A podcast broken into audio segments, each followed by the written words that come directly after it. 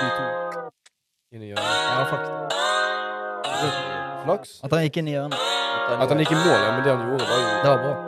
Imponerende. skal se den på Twitter etterpå. fotball. Fotball for life. Vi skulle hatt en fotballpod. Fotballpuben. Fotballpuben. Å, det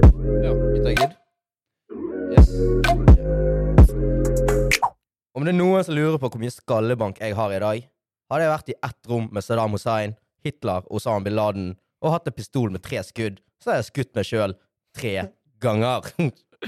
og med det sier vi velkommen til podkast. Dette er Drypp-kollektivet. Er innom det. Mitt navn er Nathaniel. Du kjenner meg kanskje som Natti. Med meg i dag har jeg Steffen og Artian. Steffen, går det bra? Det går bra.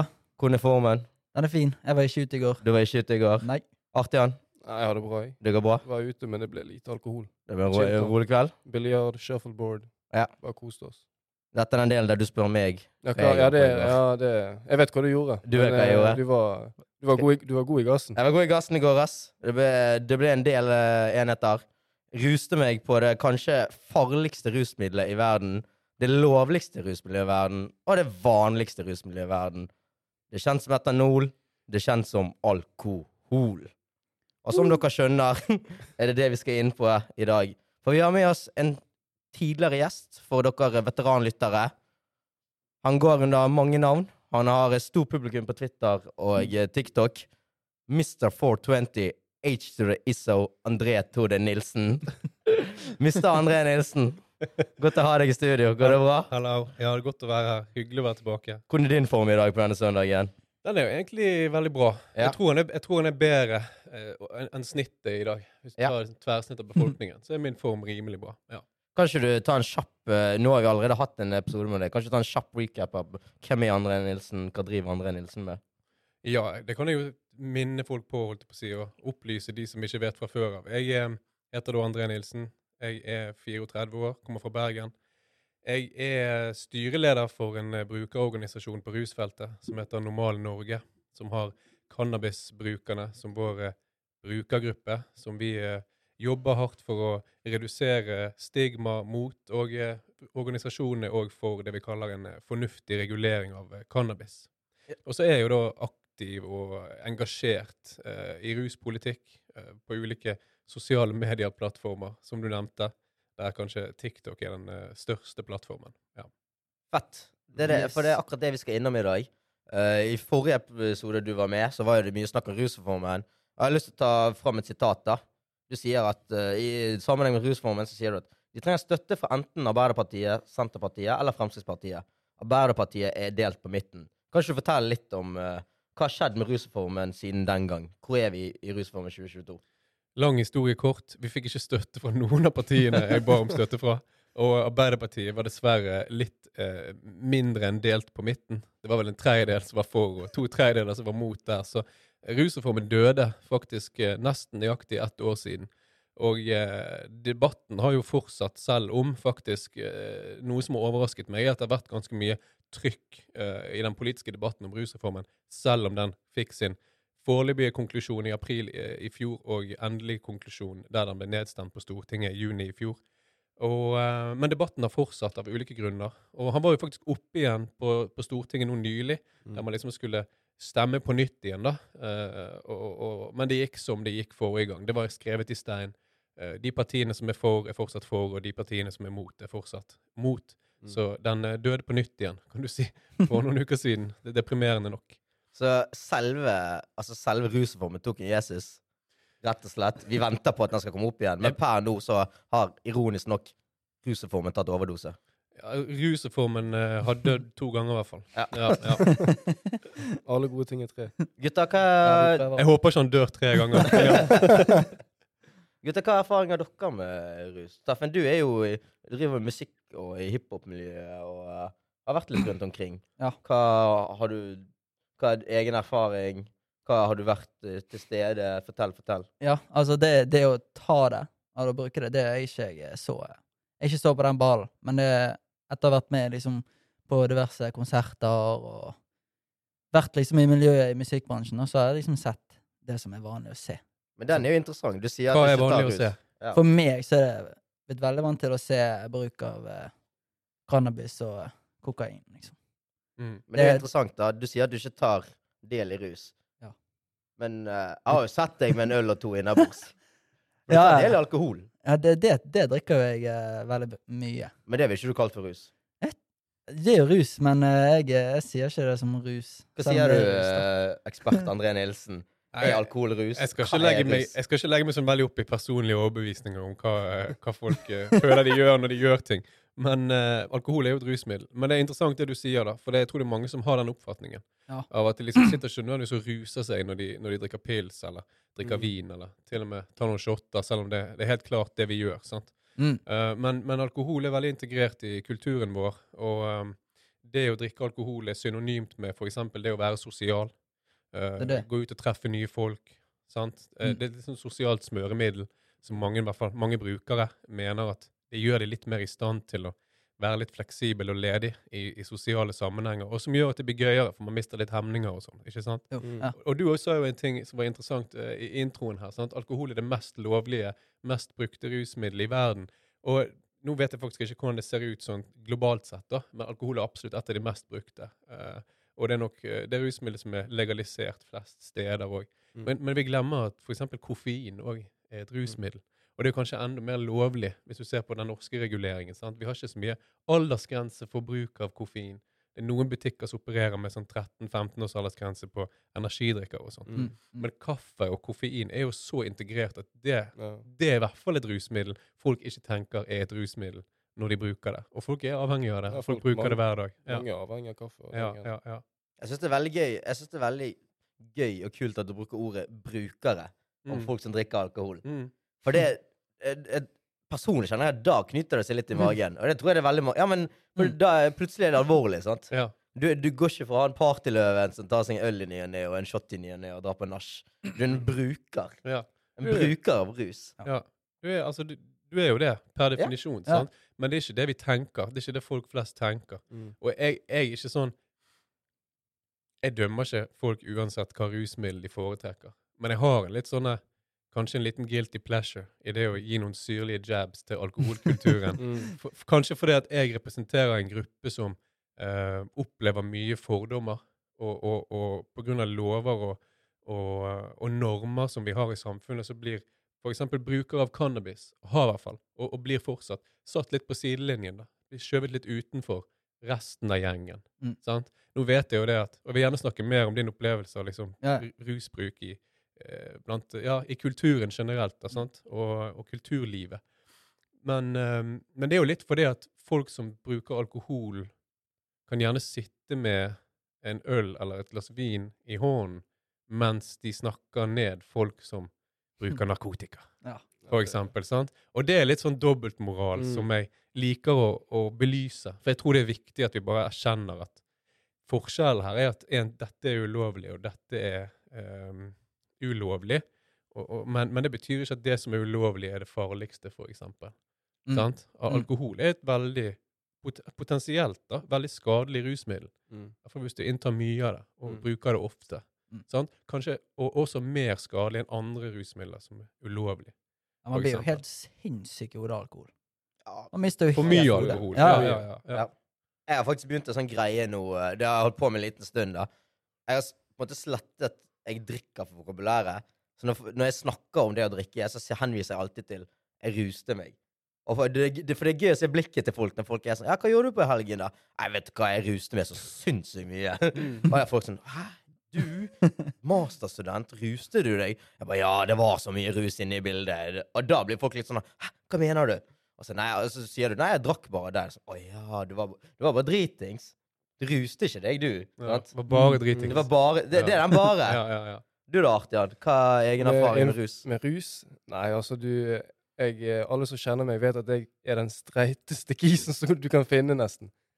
Så, men helt siden jeg var liten, så har det bare vært fotball, skole, fotball, skole. Og jeg, jeg kan love deg, når det kommer til rus og den greien der Folk kan, kan være redd politi eller tenke 'Å, hva, hva skjer? Jeg kan, kan jeg bli tatt av politiet?' Jeg var ikke litt redd politiet. Vet du hvem jeg var redd for? Pappa. Pappa. Pappa. Så nei, den tingen er Nei, det har, ikke, det har vært mye alkohol, da. mm. Men som, dere, som vi snakker om her, så blir liksom ikke det sett på samme måte som rus og den greia der. Kan jeg stille eh, Jeg må bare eh, For deg lurer. ja. Ja, ja. Hva var det med din far som liksom gjorde at han skremte deg når det gjaldt rus? Han var vel rett og slett albansk. Redd for skuffen, liksom. Det er bare liksom mer kulturen. At uh, Ja. du er Kanskje jeg var mer redd Kanskje jeg var skuffa skjønner du hva jeg mener? Mm. Kanskje ikke redd av konsekvenser det han, han hadde ikke gjort noe mot meg, men det Mm. er bare med, Jeg hadde ikke lyst å skuffe min egen far. sant? Mm. Så det er egentlig det, det det går i, og den kulturen der. Ja. Så ja. Så følelsen av å skuffe han, ja det var liksom nok til å motivere deg til, til å, å ikke gjøre de til å ikke bruke ulovlige rusmidler. i hvert fall. Ja. Hvor tid- Hvor hvor tid begynte du å drikke og sånn? da? Alkohol? 16-17. Ja. Visste de om det hjemme da? Jeg ikke i starten, men jeg tror han de skjønte det etter hvert. Ja. Det gikk ganske fort, egentlig, Ja. før de skjønte det. Ja, for det, det, det er sånn greie jeg faktisk husker godt fra når jeg var uh, ung. Det var liksom det at Hva hvis min, min far eller min mor finner ut av det? Mm. Så det holdt meg i nakken. Ja. Og jeg hadde kompiser som begynte liksom å bruke cannabis når de var sånn ja, alltid fra 13 til 15 år. Da. Mm. da var jeg fortsatt der at jeg Nei, det kan ikke jeg gjøre, for hva hvis mine foreldre finner ut av det? Og jeg hadde jo allerede røket på noe snus og røyking opp igjennom. Det var ikke noe behagelig å bli Mm. tatt og få bli kjeftet huden full. sant? Mm. Eh, Det ble jeg i hvert fall. Jeg fikk denne, denne harde metoden. Mm. Men det, men det motiverte jo ikke meg for å slutte med nikotin, f.eks. Jeg Mm. brukte jo snus, men jeg bare var jævlig god på å gjemme det for de til slutt. sant? Og alkohol òg hadde jeg brukt.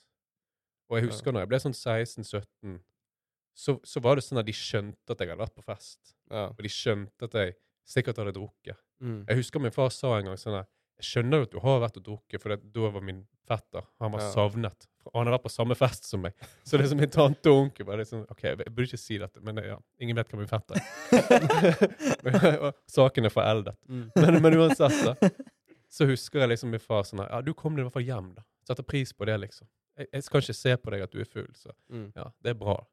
Jeg fikk nesten en sånn aksept for det. Mm. Så lenge jeg bare kom meg hjem og kunne, kunne stå på to bein, liksom. Men det syns jeg er kult med foreldre som kan ha det forholdet med ungene. At sånn er vi, altså, Si du er 16-17, da, under lovlig rusalder.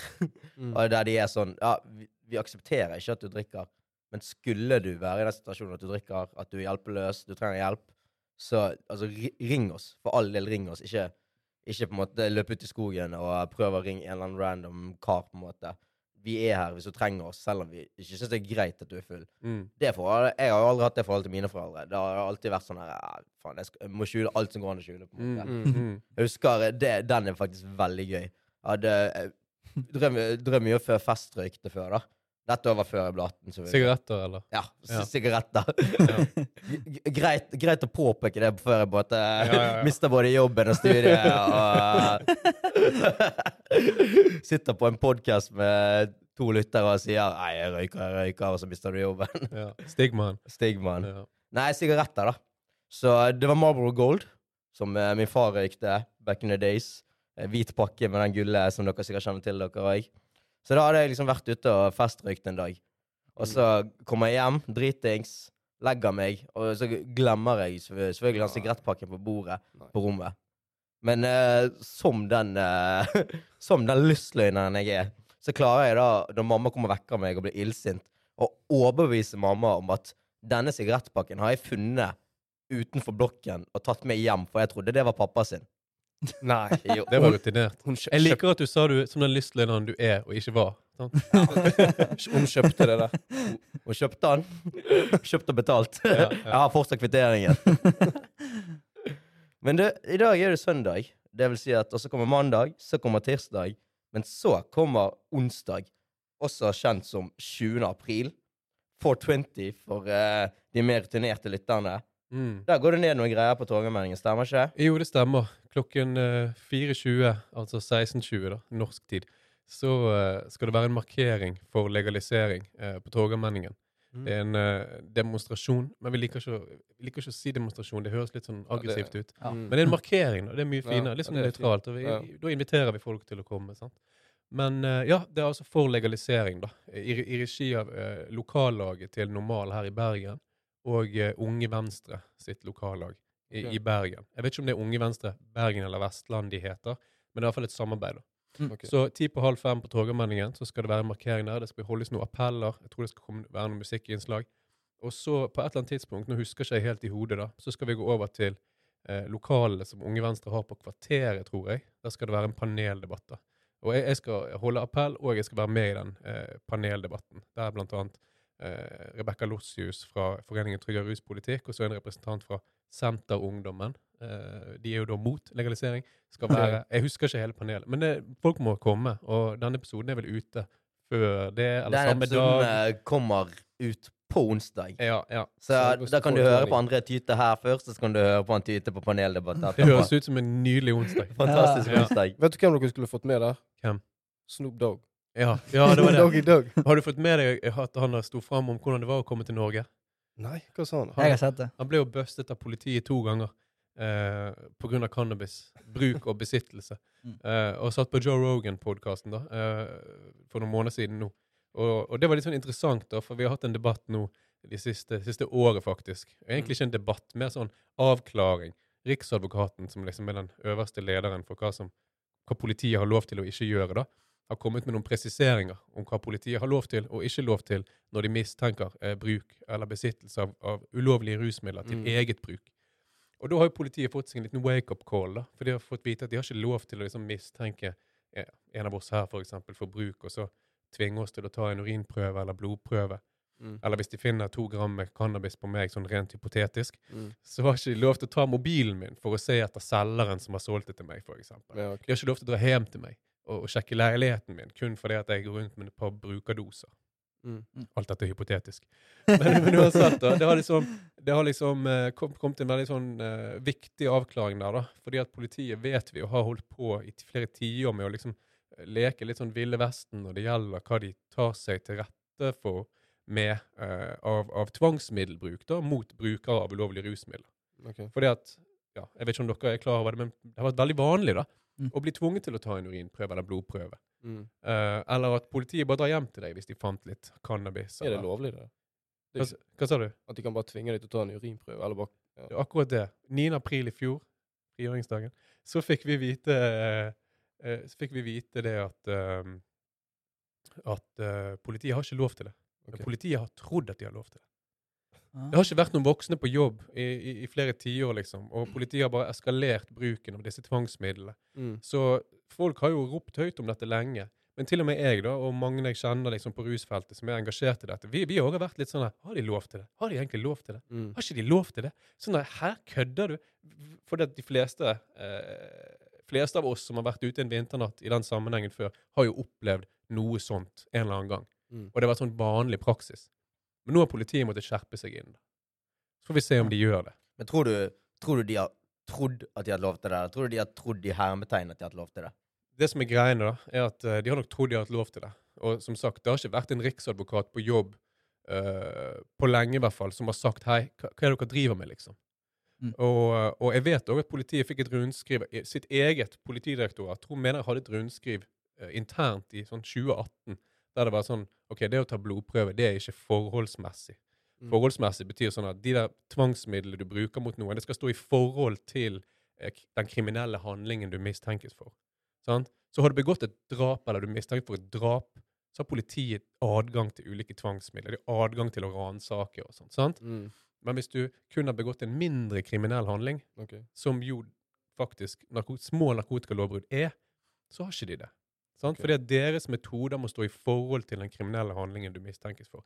Og nå skal vi gå tilbake til Snoop Dogg, for han kom altså, han kom altså til Norge han, eh, to ganger. Og jeg tør liksom ikke si sånn eh, hva år dette var, da, men han var her for noen år siden. Han ble jo forsinket på svenskegrensen og mye Mm. greier. Mm. Jeg husker han klikket på en VG-journalist òg som spurte hvorfor han var forsinket. Men uansett, så eh, er det jo viden kjent at Snoop Dogg er en uh, entusiastisk bruker av cannabis. Mm. Mm. Det skal du liksom være ganske uh, uopplyst for å ikke ha fått med Ja. deg. Så politiet de bare stoppet han da, uh, okay. og bussen når de var i, i Norge. Og så sa de sånn at du, du, du blir med oss på politistasjonen, liksom. Vi, vi mistenker at du har brukt vi mistenker at du har brukt cannabis. Mm. Og da tok de han med seg til politistasjonen, og så tvang de han til å avgi en urinprøve. Fordi at det mente de at de kunne. Mm. Sant? Og der avla han jo selvfølgelig ikke noe ren urinprøve. Det tror jeg han ikke har gjort Nei. på eh, sikkert 30 år. Eh, og sikkert ikke det engang. Han kan vel aldri avgi en Nei, urinprøve igjen noensinne? det engang. Nei, fra tidlig tenårene.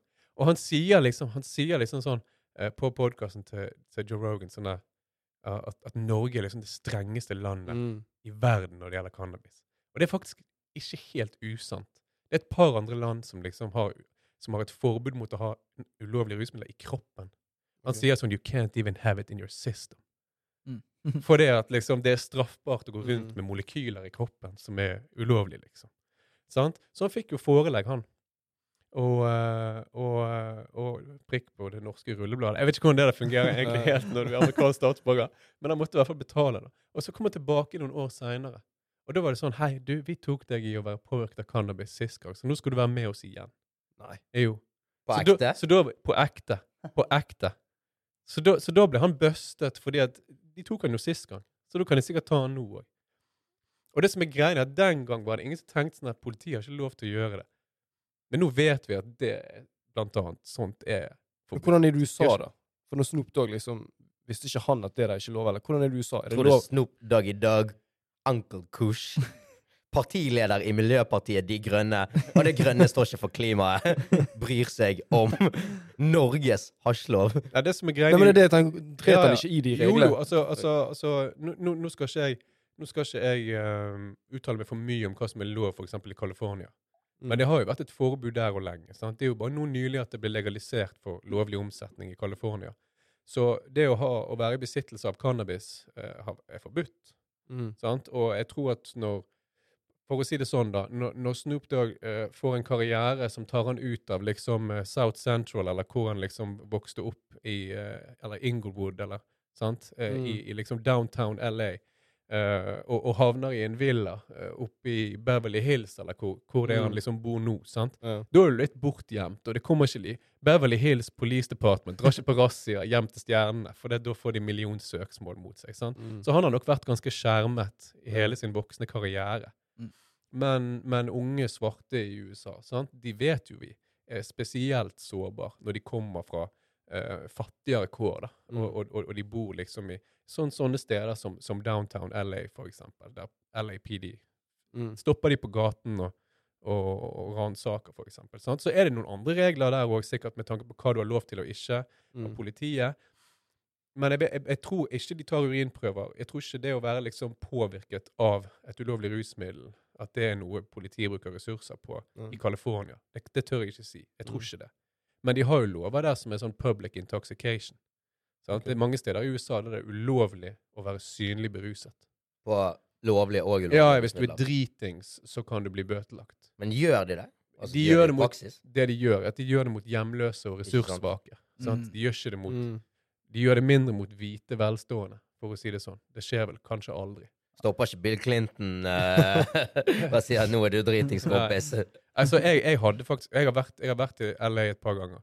Og så uh, har jeg noen venner der borte og liksom reist fram og tilbake. da. Mm. Og, og jeg husker en, en, en gang spesielt, skal ikke gå sånn inn på det, da, men, men det er litt sånn priv, privilegiet jeg, jeg hadde da, som, når jeg kom som nordmann til, til Mm. Los Angeles. Uh, jeg husker det, jeg døgnet han på flyet pga. tidsforskjell. og sånn, så fikk ikke sove på flyet, så jeg hadde allerede ikke sovet på. Og så døgnet jeg før for å liksom komme inn i tidssonen eh, før jeg tok fly. Og så sitter du ni timer på fly, og plutselig har du ikke sovet på et døgn. sant? Mm. Uh, og så var det St. Patrick's Day i, oh. i USA når jeg landet.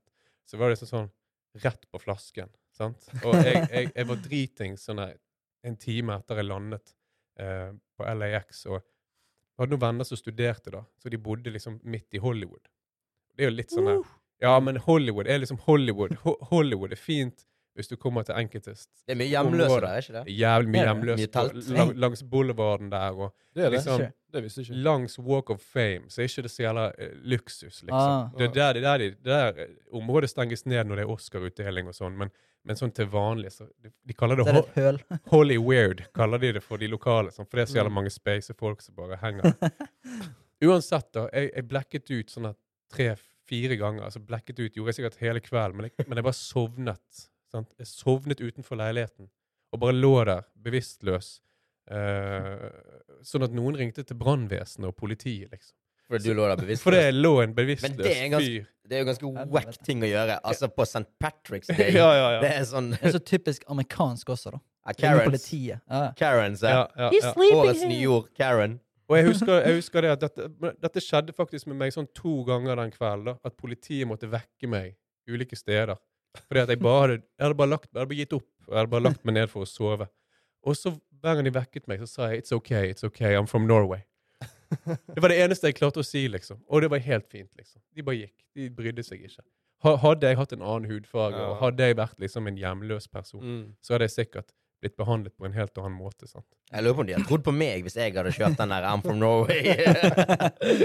og de skulle sett på meg og bare sånn der No the fuck you're not. Men jeg kjenner, jeg kjenner, jeg kjenner akkurat den der når du Snoop Dogg-episoden, så jeg kjenner litt sånn her uh, Får lyst til å rante litt. For det er jo litt sånn her uh, Jævlig nisseland, ass. Det er liksom, Vi er fem millioner borgere. Basically en bondegård i eh, verdensbildet. Og så kommer liksom Snoop Dogg i dag. Og politiet, altså det, De får være mot hva de vil, men de vet jo jævlig godt hva Snoop Dogg i dag går med. Når de har gått inn på den turnébussen, så altså, de har mest sannsynlig gått inn på en buss som var hotboxet. Mm. Og tenker de da med et seriøst fjes har sett han inn i øynene og sagt Sir, I think you might be smoking marijuana. Ja, det, er jo, det er jo litt spaced, og, og, og, og det er jo litt sånn Det er jo det som interesserer meg og frustrerer meg litt. sant? Hva, hvordan kulturen vår og samfunnet ser på disse ulike rusmidlene. sant? Det var litt derfor jeg tok opp det der med at jeg blekket ut og kubbet forskjellige steder på, Mm. på, Ja, jo på, helt på fylla. Når folk hører det, så er det sånn her tidlig. Jeg, jeg kjenner en, Ja. eller jeg har gjort det samme sjøl mange ganger, liksom. Sant? Men, og, og jeg har brukt mange, jeg har brukt mange rusmidler opp igjennom. Og, og det, liksom, det, det, det er alkohol som har fått meg til å liksom miste kontroll så til de grader. Ja, okay. Sant? Mm. Uh, det er sikkert tilfeldig, jeg skal ikke si det, at, at ikke det kunne skjedd med andre rusmidler. Men det er sånn typisk at det skjer med alkohol. da. Mm. Jeg hadde tatt en alkoholoverdose den dagen, men det er ingen som kaller det det. Når showmien din kubber på forset fordi at han var jævlig hard på denne Finlandiaen, eller hva faen han har styrtet på hele kvelden. Ja, ja. Sånn, Du tenker ikke han der har tatt en overdose. Eller når dørvakten liksom ber deg ta deg en runde fordi du Ja. snøvler og ikke klarer å se han inn i øynene.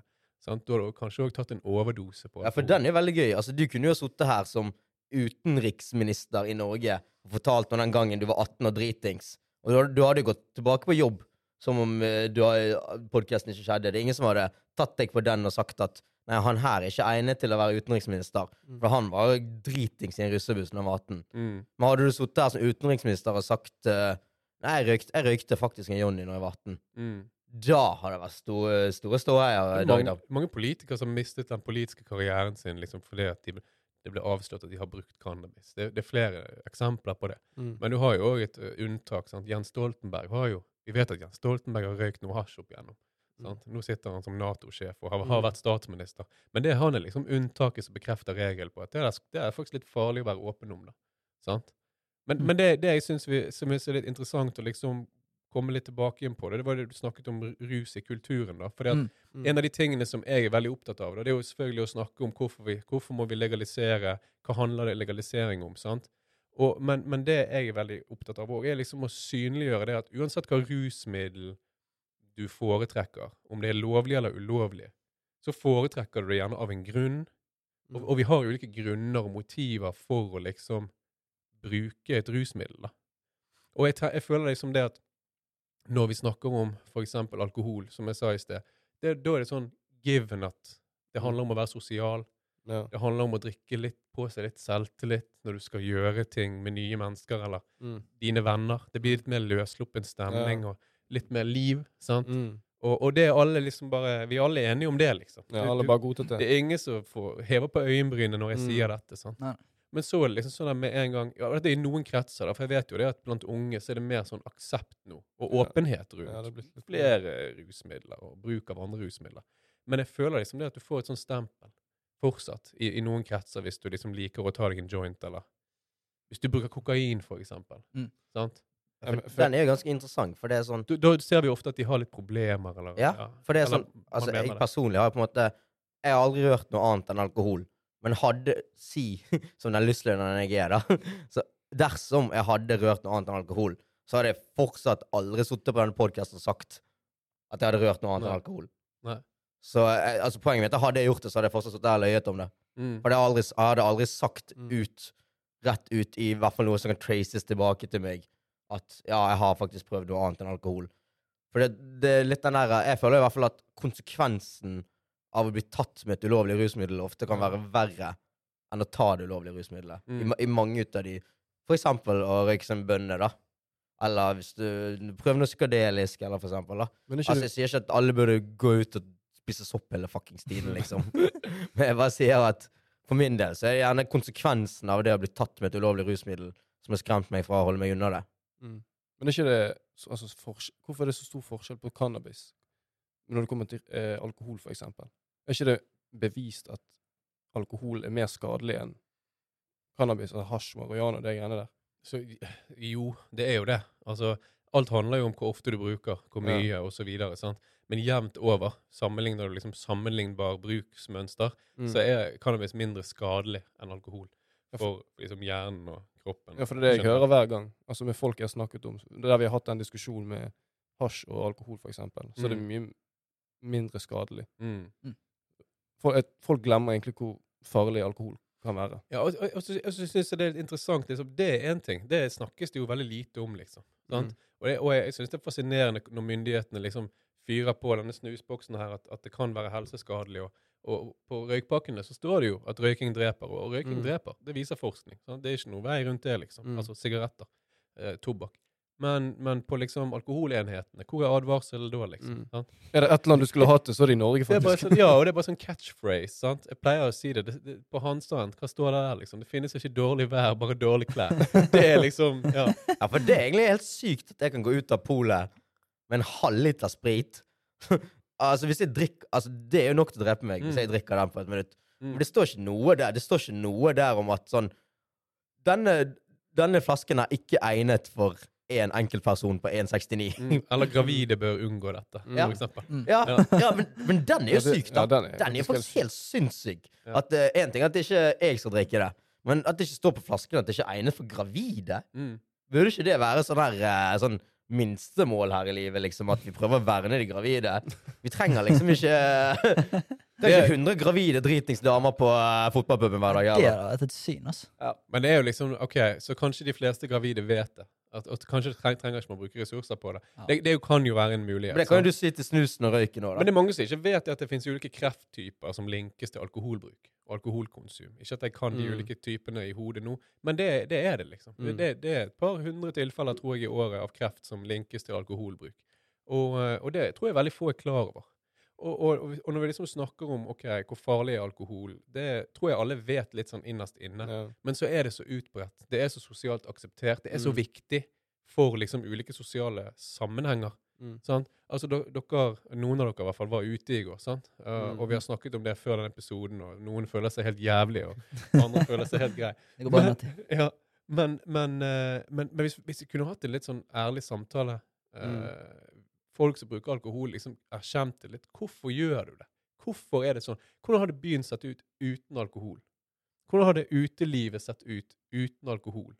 Jeg tror i utlandet kunne det gått. Det det I Norge, det. Ja. så, I Norge så har det vært 300 stykker som satt på annethvert sete inne på klubben. Ja, den, ikke en sjel som danset. det er bare kulturen. Ja.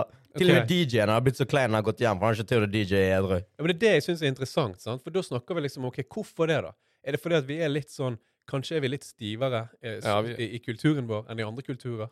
At vi bryter ikke ut i dans på et offentlig sted med mindre vi er Mm. litt Ja, det er jo påvirket. Sant? Eller vi snakker ikke med hun eller han som virker litt interessant på byen eh, når vi ikke har drukket, Mm. for da er det kleint. Mm. Så kanskje bruker vi alkohol for å slappe litt mer av. Ja. Sant? For, for å kanskje miste litt hemninger som vi ellers går rundt og, Ja, mm. og blir styrt av. Du er jo du er kjent for en break-in dance-move eller to. Well, På, det eh, når du kan. Jeg elsker å danse. Er det Hvordan alkohol Nei, det- er i bildet der? Er det, Nei, det har ingenting å gjøre med alkohol. det fikser du edru? Jeg, når jeg gikk i barnehagen, så hentet pappa meg en, en dag. Og så da fikk, var det en som jobbet på barnehagen, da, som sa til min far Vet du hva du må gjøre med sønnen din? Du må bare sende han på ballett med en eneste gang. Så den dansingen den har alltid vært der siden jeg var liten. liten. Ja, liksom. så du har du, Men så det, den alkohol, hvordan påvirker Altså, er det så tø, si, altså, En ting er når du er i et komfortabelt miljø på et vors med mange mennesker du kjenner. Men si at du skal være på vors eller fest eller bil Ja, ja, med folk du ikke kjenner. da Klarer Kan du danse uten å drikke, eller må du ha alkohol inn i bildet for å tørre litt? Altså, alkohol hjelper selvfølgelig. Men når det kommer til dansing, så har det alltid vært Hvis jeg har en kompis, hvis, hvis jeg er aleine, da er det litt Da trenger jeg kanskje en alkohol hvis jeg, hvis jeg skal være den første som skal gå, som skal gå på dansegulvet. Men hvis jeg har en kis som jeg vet ok, han danser òg, så bare ei, la oss begynne, liksom. Men hvis jeg møter helt nye folk, jeg er helt aleine, da, Da er da, da, må, da, må, da må jeg kanskje Mm. ha to-tre Det hjelper på komfortsonen. Ja, det hjelper litt. Hva, Men det føler jeg Vet du hvorfor? For Ja. det, hvis jeg hadde bodd i USA, så tror jeg ikke jeg hadde hatt det. Eller utenfor Norge. Men jeg føler helt siden jeg var liten, så har jeg på en måte hatt bygd opp den personligheten at jeg skal ikke snakke med folk. Du skal ikke sitte ved siden av folk på bussen. Du skal ikke gjøre ditt. Du skal ikke Mm, tro at du mm. Skjønner du hva jeg mener? Mhm. Så det er liksom Jeg tror ikke jeg hadde hatt den samme personligheten hvis jeg hadde bodd i et annet land. Eh, Vet du hva, jeg kan relatere til det. Så for det, igjen, Jeg har vært noen ganger i USA, og det er helt annerledes der. Mm. Det er veldig overfladisk når folk på bussen snakker til deg der borte. De, de snakker for å snakke. Det er ikke sånn at de er dypt genuint interessert nei. i deg. Mm. Men det er en samtale der, og det er jo fin Mm. utveksling. sant? Ja, ja. Mens her i Norge Jeg tror jeg har laget mange TikToker om, om, om hvor klein vi er når vi Ja. sitter på kollektivtransporten, og hva man gjør og ikke med sidemannen. Jeg så faktisk den ene TikToken nå nylig, den der med at det var noen på Bybanen som snakket i telefon. Ja, ja, ja. var det en den var fin. ja. Den var veldig Det var så kleint, det. Hva var det? Jeg har ikke fått med meg jeg ser jo på meg sjøl som en ganske sånn Jeg ser på meg sjøl som utadvendt. Og, og før, før vi snakker om uh, Bare minn på det, for jeg må si noe først. da. Grunnen til at jeg lurer på disse tingene, er jo fordi at jeg, når jeg sier jeg har brukt mye rusmidler opp igjennom sant? Jeg har vært åpen om min, min ruskarriere, min ruserfaring. Og på et tidspunkt så fikk jeg problemer med det. Mm. Sant? Og jeg trenger ikke gå inn på det nå, men, men, men jeg måtte liksom eh, lære meg sjøl å være sosial igjen på nytt igjen. da. Mm. Jeg måtte liksom Ja. finne ut hvem er jeg uten rusen. For jeg trodde på et Ja. tidspunkt at faen, jeg er ingen uten rusen. Og, og jeg trenger det der eh, Mm. teppet og beroligende på, Mm. på, på hjernen og nervesystemet Mm. for å slappe av og være meg sjøl. Så jeg føler at jeg har liksom kommet gjennom en litt sånn prosess som ikke alle blir tvunget til. da. Det er å ta Mm. seg en titt i speilet og si ok, de her tingene du gjør, som du Mm. liker å gjøre når du er ruset, fordi at det, også når du har drukket litt, Mm. som, som, som blir lettere når du har drukket. Hvorfor er det lettere? Ok. Så da begynte jeg å eksponere meg sjøl på, i- på ulike arenaer, da, edru, okay. for å Ja. lære meg å gjøre de tingene. Mm. Enten det kom til dating eller å Mm. være sosial. Ja. sant? Dønn edru. Og så er det sånn, shit, det, det er jo faen meg, det er jo bare å du Mm. har det i deg, liksom. Du, men vi har lært oss til at et par enheter for eksempel smoother Mm. over det. sant? Mm.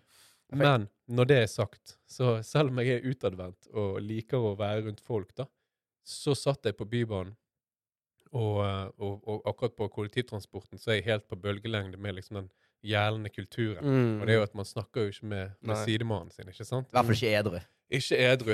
Det, det skal faen mye til, liksom. Og hvis du er han der fulle på bussen på vei hjem fra byen som snakker, så er du som regel bare jævlig irriterende. Ja. Folk vil ikke snakke Ja. med deg. Ikke vær han fyren, folkens. Eller hun, hun damen. Eller de 18-åringene bak i bussen som er på den der Å, Bergen by. Ja, ja. nei. Ja, du, før jeg begynner på den historien, jeg må bare si at jeg hører folk på vei sånn rundt uh, nøstet hver eneste helg som synger brannsanger på vei til Mm. byen. Det er ikke kult. Slutt med det. Ja. Men, I hvert fall hvis spiller Som Obos. det Steffen Kvidal det er greit du er patriot og sånn, men, men ikke Men klokken ett på natten. Og det er Obos. Og det, og det er Obos. Og det er Ja, Obos. ja, ja, ja, for å gni det inn. Men OK, da. Jeg sitter på Bybanen, og så, eh, så er det en student som kommer inn da, eh, og snakker jævlig høyt i telefonen. Edru. Edru. Ja, ja, dette er sånn etter jobb. Jeg, jeg tror det er sånn firetiden, og, og vognen er stappfull. Og han preiker jævlig høyt på telefonen, og det er som alle hører det, hva han preiker om. Eh, og, så, og så setter han seg ned ved siden av en mann, da, og jeg snur meg ikke engang. Jeg bare hører at han mannen etter en liten stund sier til han i telefonen sånn her Jeg er ikke interessert i å høre hva du snakker om på telefonen. Det har jeg aldri opplevd før. Og så ble det helt stille i Bybanen, eh, på, i, liksom, i vognen. Mm. Og så- Den er så drøy, og, den. og så, hører du, så hører du han som var på telefonen, og han studenten, han bare sånn «Øh, Hørte du det der, eller? Ja. øh, jeg ringer deg tilbake etterpå, jeg. Og den stillheten i vognen etter dette, den var til å ta og føle på. Mm. Det var så jævlig kleint, den stillheten. Mm. Og det er litt sånn eh, Ja. Det er et godt eksempel på hvordan, eh, hvordan kulturen vår er. da. Jeg syns det er litt sykt at han sa ifra. For jeg føler det Ja. som er vanlig i Norge, hvis noen snakker i telefon, så er de redd for å si fra. Bare, bare sånn, Det, ja. det, det jeg tenker er typisk norsk. Hvis noe er typisk norsk, så er det å irritere seg noe jævlig over han der som snakker i telefonen. ja, Og så gå hjem og fortelle det til noen andre at det var en jævlig irriterende fyr på telefonen i dag. Men å fortelle det til han i telefonen, Ja, det var litt det er det sykeste ja, jeg det, har vært det, med på. aldri, det tror jeg ikke Men det er gøy hvordan liksom Dette her er en once in a lifetime-opplevelse, at noen edru seg ifra. Fordi at ha, Hvis du hadde byttet ut den historien med at det var tre på natten, alle var dritings, og noen sa ifra om at nå, sk- nå må ikke du snakke i telefonen Ellers det hadde blitt mer sånn «Åh, 'Nå må du faen ikke snakke i telefonen'. Det skal blitt slåsskamp, da. Ja, sånn. men, men da hadde ikke du Altså, du hadde ikke lagd en TikTok om det da, for da hadde det vært sånn Ja, dette var en helt vanlig bybane-ride klokken Ja, tre på natten. ja, sant? ja. Grunnen til at du reagerer på det, er fordi klokken var fire, og folk var edru. Folk var edru, og da er vi ikke utadvendt her i dette landet. Ja, kanskje ligger det noen kulturforskjeller der. Ja, det må jo være det.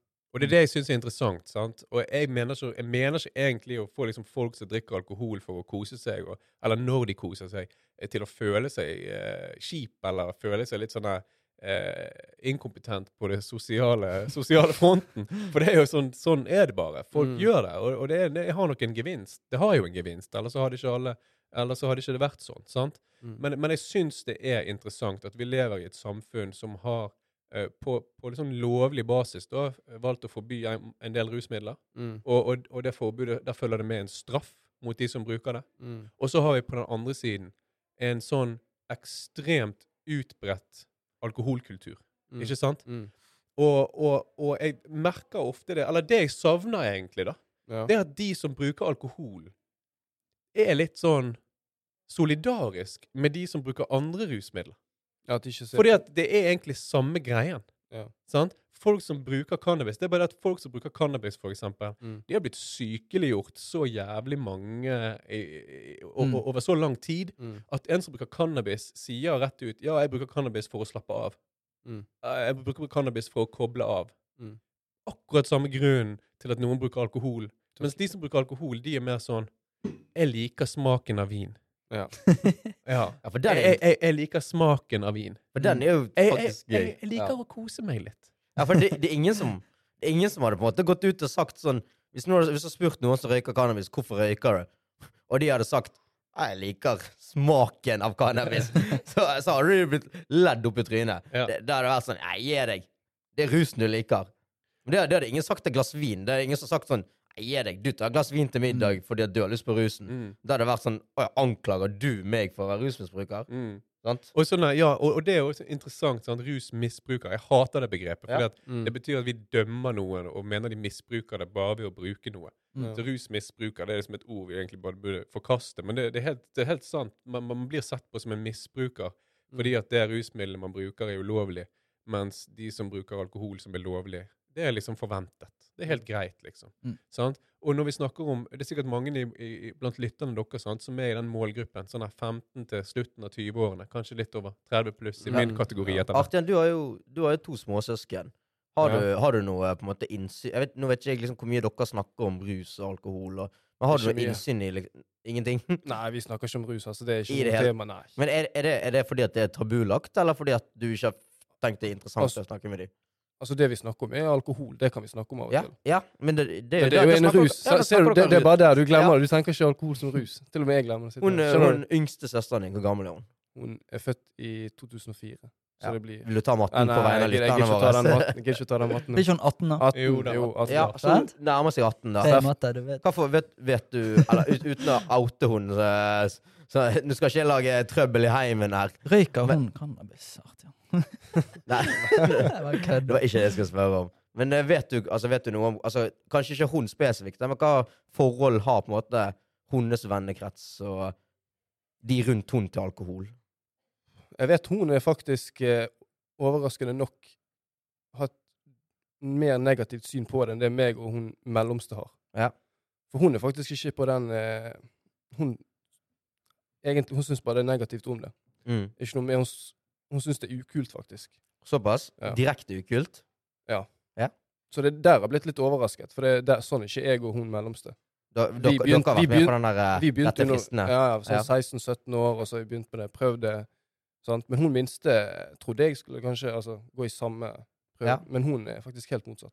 Det er en interessant uh, endring, da.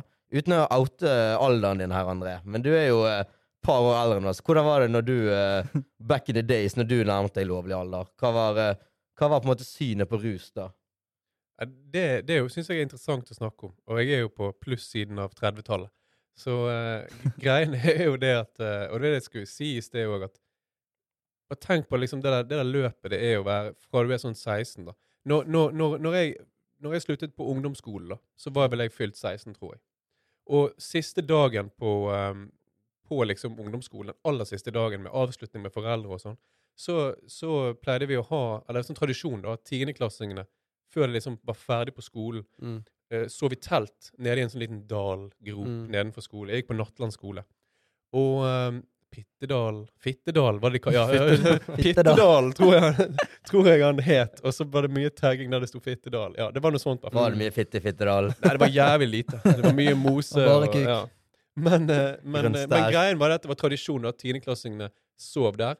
Og så, eh, var det tradisjon at de fleste i tiende drakk alkohol den kvelden. Mm. Og det var sånn som alle lærerne visste, sånn indirekte. For det var jo alltid strødd med ølbokser og lignende i, nede og rundt skolens område sånn hver eneste morgen etter dette. Så alle voksne var klar over det. Men det var ingen som liksom grep inn mot liksom, mindreårig Mm. alkoholkonsum. sant? Mm. Og så kommer du på videregående. Sant? Alle vet jo at videregående, for de som har gått videregående, der og fortsetter jo det der festkjøret. Da er du liksom uh, up and coming i festkarrieren, Mm. og snart kan du gå på byen. og sånt. Mm. Og når det var lovlig, så var det dritfett. Og når du var 18, da kunne du dra til Syden uten foreldrene dine. Så da var det to ukers flatfyll i Ayanapa, liksom. Alle foreldre visste jo at det var, gikk hardt for seg, men det var greit, det. sant? Mm. Og så er du ferdig på videregående, og hvis du da velger å studere, hva er som, hva er som møter deg da?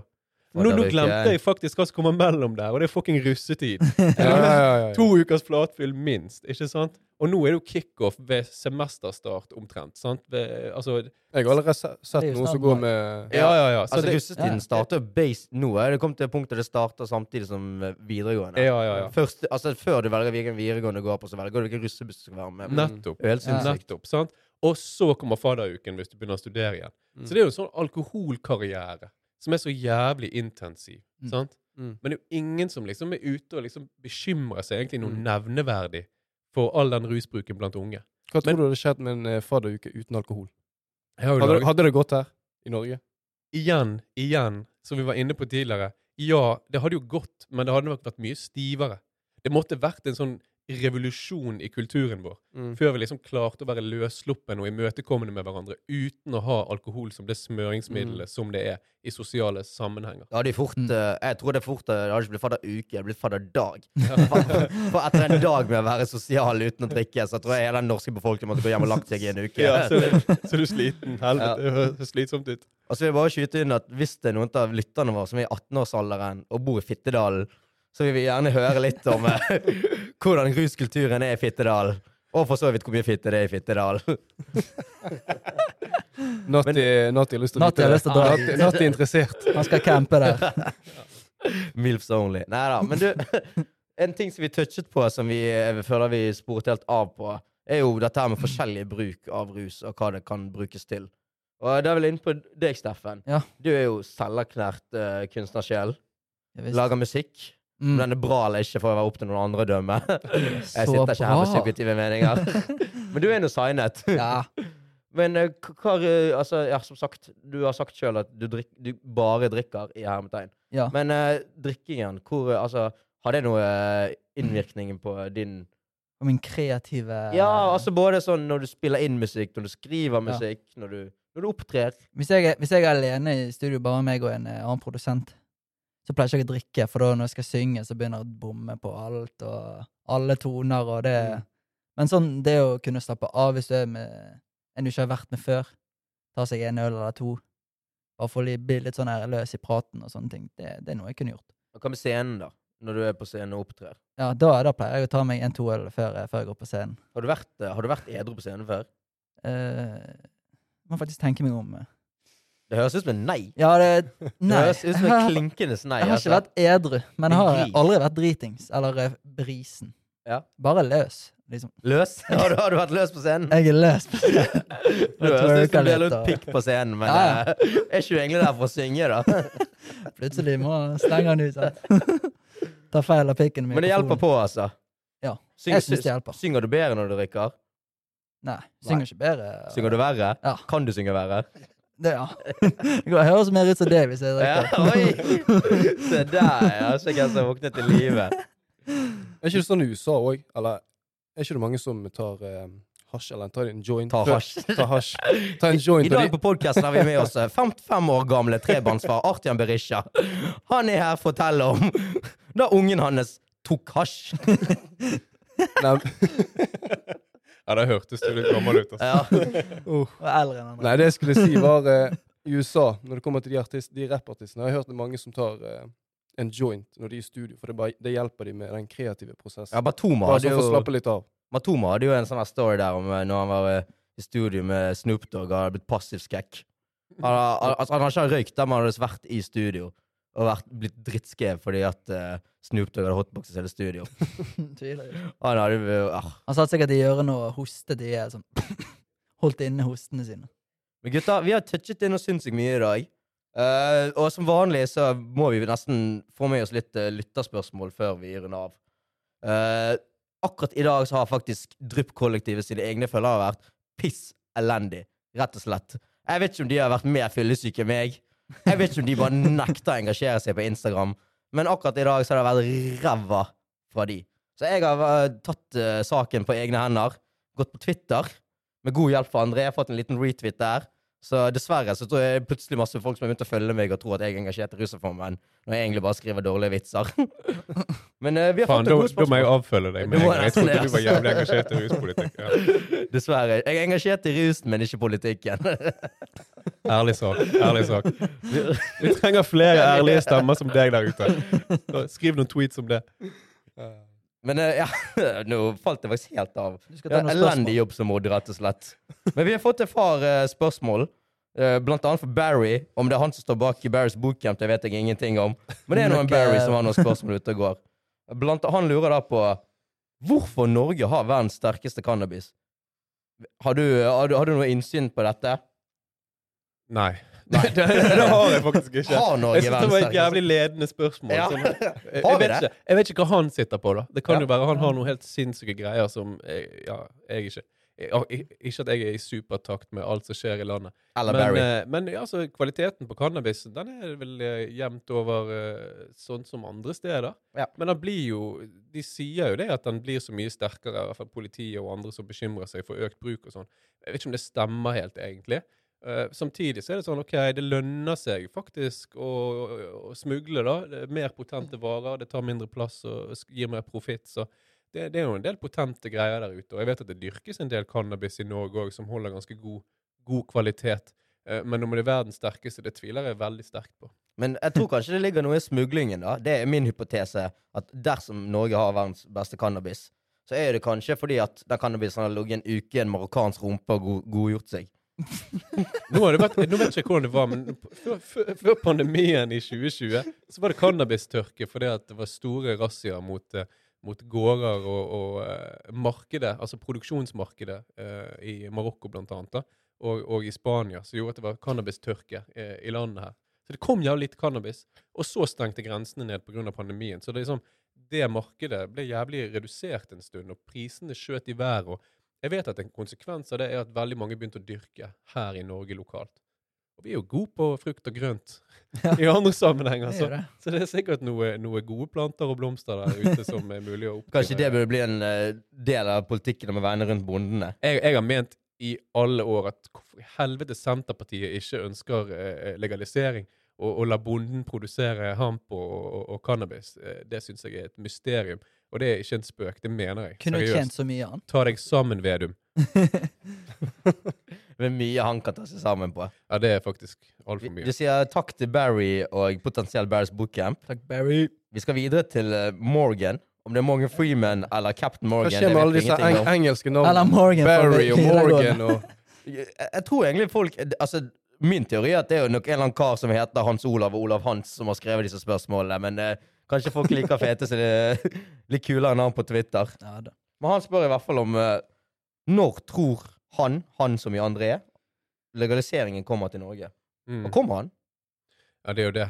Det, det er vanskelig å si, altså. Jeg, jeg har egentlig lyst til å svare sånn langt og kjedelig spørsmål, men jeg, jeg har blitt litt mer sånn uh, breial i det siste, da. Så jeg, jeg håper sånn innen innen 10-15 år. Og det høres jævlig lenge ut, og jeg tror det er realistisk. Men du vet aldri, for det at nå skal Tyskland legalisere. Og når Tyskland legaliserer, så finner sikkert danskene ut at de skal legalisere. Og, og da begynner ballen å rulle, liksom. Mm. Um, og når det begynner å skje ting i Europa, så kan ikke Norge bare stå og se på. sant? Men hvem vet? Det er mye annet som skjer i Europa. Så du har i hvert fall-. Så, uh, Du har troen på at uh, du skal Ja, vi, vi, har, vi har to partier nå som har programfestet det, at de vil ha en form for regulering. Og, og så har vi et par partier som er litt sånn delt. Uh, altså, Venstre og MDG de er vel for legalisering, det, det er vedtatt. SV er mot, men de er veldig delt internt. Mm. Og uh, MDG, er det er det, dopet? Ja. MDMA. Ja. Nei, å ja, Å ja, nei. å ja. Det er det partiet, det. Stemmer. Stemmer, stemmer. stemmer. Uh, nei, det, av, av og til er det kodeord for dop. Ja, er, er Er, det, noe MDG her, eller? Da, da, ja. men, uh, men du vet aldri. Ballen kan begynne å rulle fort. Men uh, jeg tror ikke det skjer før om ti år. Altså. Men du har i hvert fall troen på at uh, André Nilsen i sin livsalder skal tenne opp en legalisert joint i Bergen by. Jeg hadde ikke gjort det jeg gjør på hvis jeg ikke hadde troen. Nei, Så den må vi ha. det er ikke en fasade, altså. Det er ikke en Du har troen. Du har, du har, du har, du har troen. Jeg har troen, men jeg, jeg lyger hvis jeg ikke sier Jeg har blitt jævla demotivert de to siste, to siste årene når jeg har sett hvordan liksom rusreformen ble behandlet og omtalt og, og vedtatt til slutt, eller ikke vedtatt. Så eh, ja, selvtilliten har fått seg en trøkk, men, men jeg er litt sånn OK Jeg tror at de som jeg tror at dette med avkriminalisering og slutte å straffe folk som bruker ulovlige rusmidler, det kommer. Det er bare et spørsmål om tid. Så jeg, jeg fokuserer mye mer på legalisering nå. Fordi at der har vi lengst å gå, men jeg, men jeg tror det er fullt mulig. Absolutt. For da har det blitt samme opplegg sånn som med vinmo Vinmonopolet. Ja, for eksempel. For eksempel. Det, eh, det ville overrasket meg hvis Norge landet på noe annet. Men ja, en statlig regulering der, de, bare- der staten har monopol, ja. Bare se på alkohol. Altså Mm. her, alle- Fra mandag til torsdag så er enten folk på jobb eller skole, hater livet, og når fredag og lørdag kommer, da, da, da skjer det, liksom.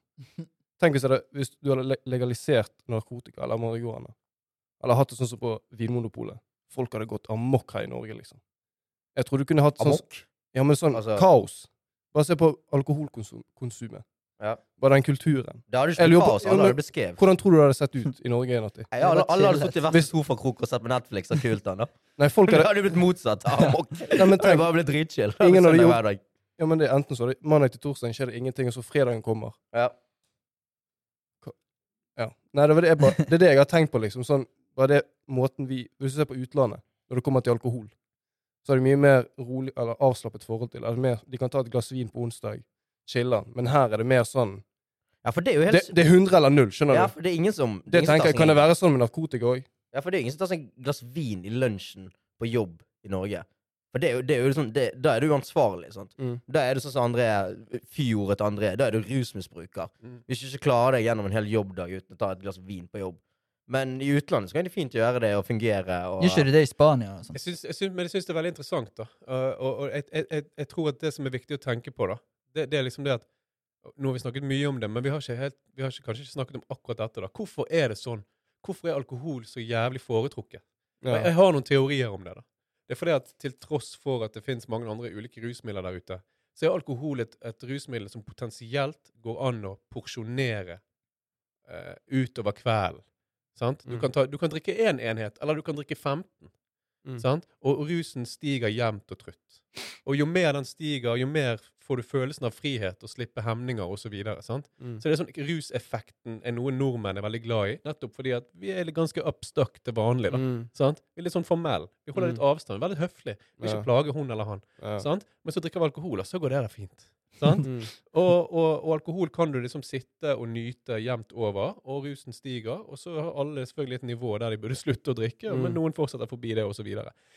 Cannabis er ikke det samme lakenet av ro og bedagelighet som alkohol. Mm. Jeg tror at du kan ha rett i det at med en gang det blir lovlig, Ja. så har det veldig Jeg skal ikke si veldig mange, for det at vi har sett hva som har skjedd i andre lovlige land og stater. Det Ja. har ikke eksplodert. Ja, Men det kan ikke- godt være at det er en venninnegjeng i dag på 50 pluss ja. som sitter der og ikke prøver hasj fordi at det er forbudt. Men så plutselig blir det lovlig, og så, og så finner noen ut på denne vinkvelden at skal ikke vi prøve en sånn brownie, da? Ja. Og så tror jeg de prøver den brownien, og så tror jeg at eh, det at de ikke har prøvd det i hele sitt liv fordi det var forbudt, det er kanskje et symptom på at dette er ikke for de uansett. Mm, ja, Så jeg tror at mange kanskje hadde prøvd litt, mm. og så hadde de funnet ut at det der var ikke for meg, for eksempel. Mm. Men tror du det smaker like godt når de ikke har vært innom fire forskjellige anuser før han kommer til deg? Det er smak og behag. Og jeg, jeg skal ikke dømme hva folk, hva folk har som preferanse. Ja. Det hadde vært interessant å se litt på liksom, om det er noen som skal forske på eh, på, altså, om, på antall mennesker som er glad i både å røyke hasj og rimming.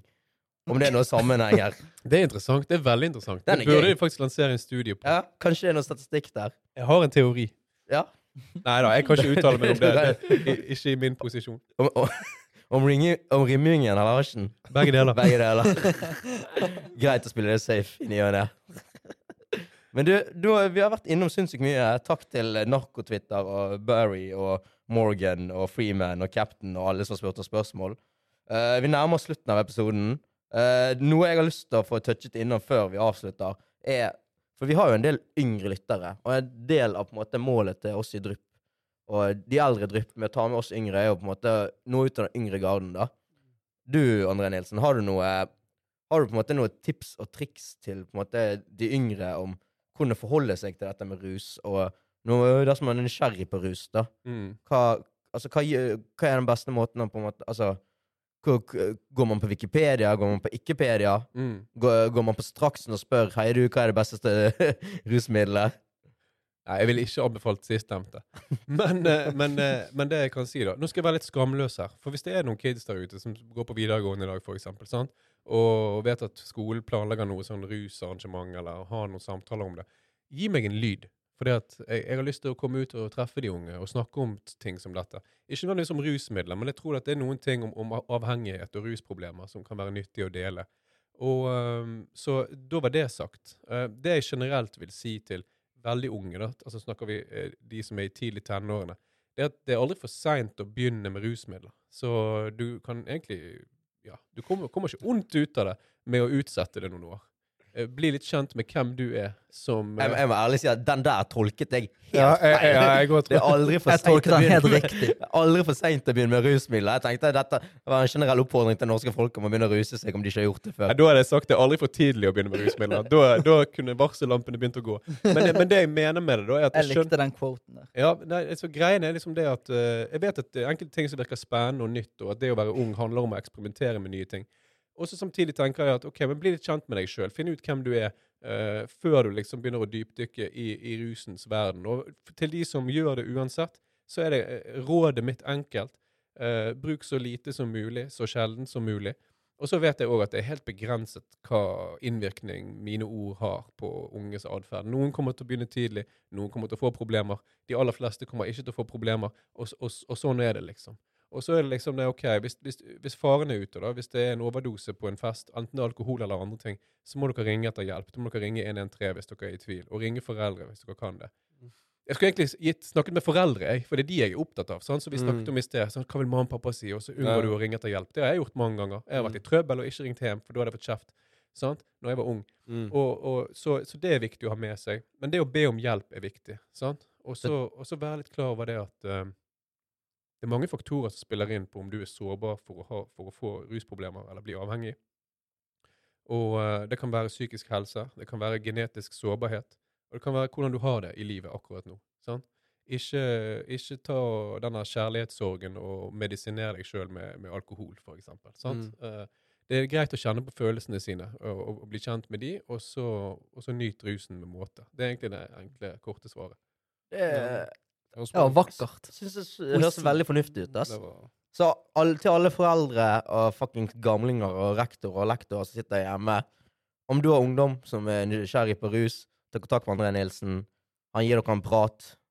Kanskje en joint om 15 år. Men for nå, for nå så er det bare en prat. Og jeg syns det er jævlig ett ord som du startet den greia sekvensen der. Skamløs. For er det egentlig det, det har tatt oss 50 minutter å komme her til, men skamløs, er det egentlig ikke det det handlet om hele dag? At vi i Norge må tørre å være mer skamløse? Si fra på Bybanen. Dans edru. Mm. Elsk edru. Snakk med fremmede edru. Ja. Ja. Vær skamløs.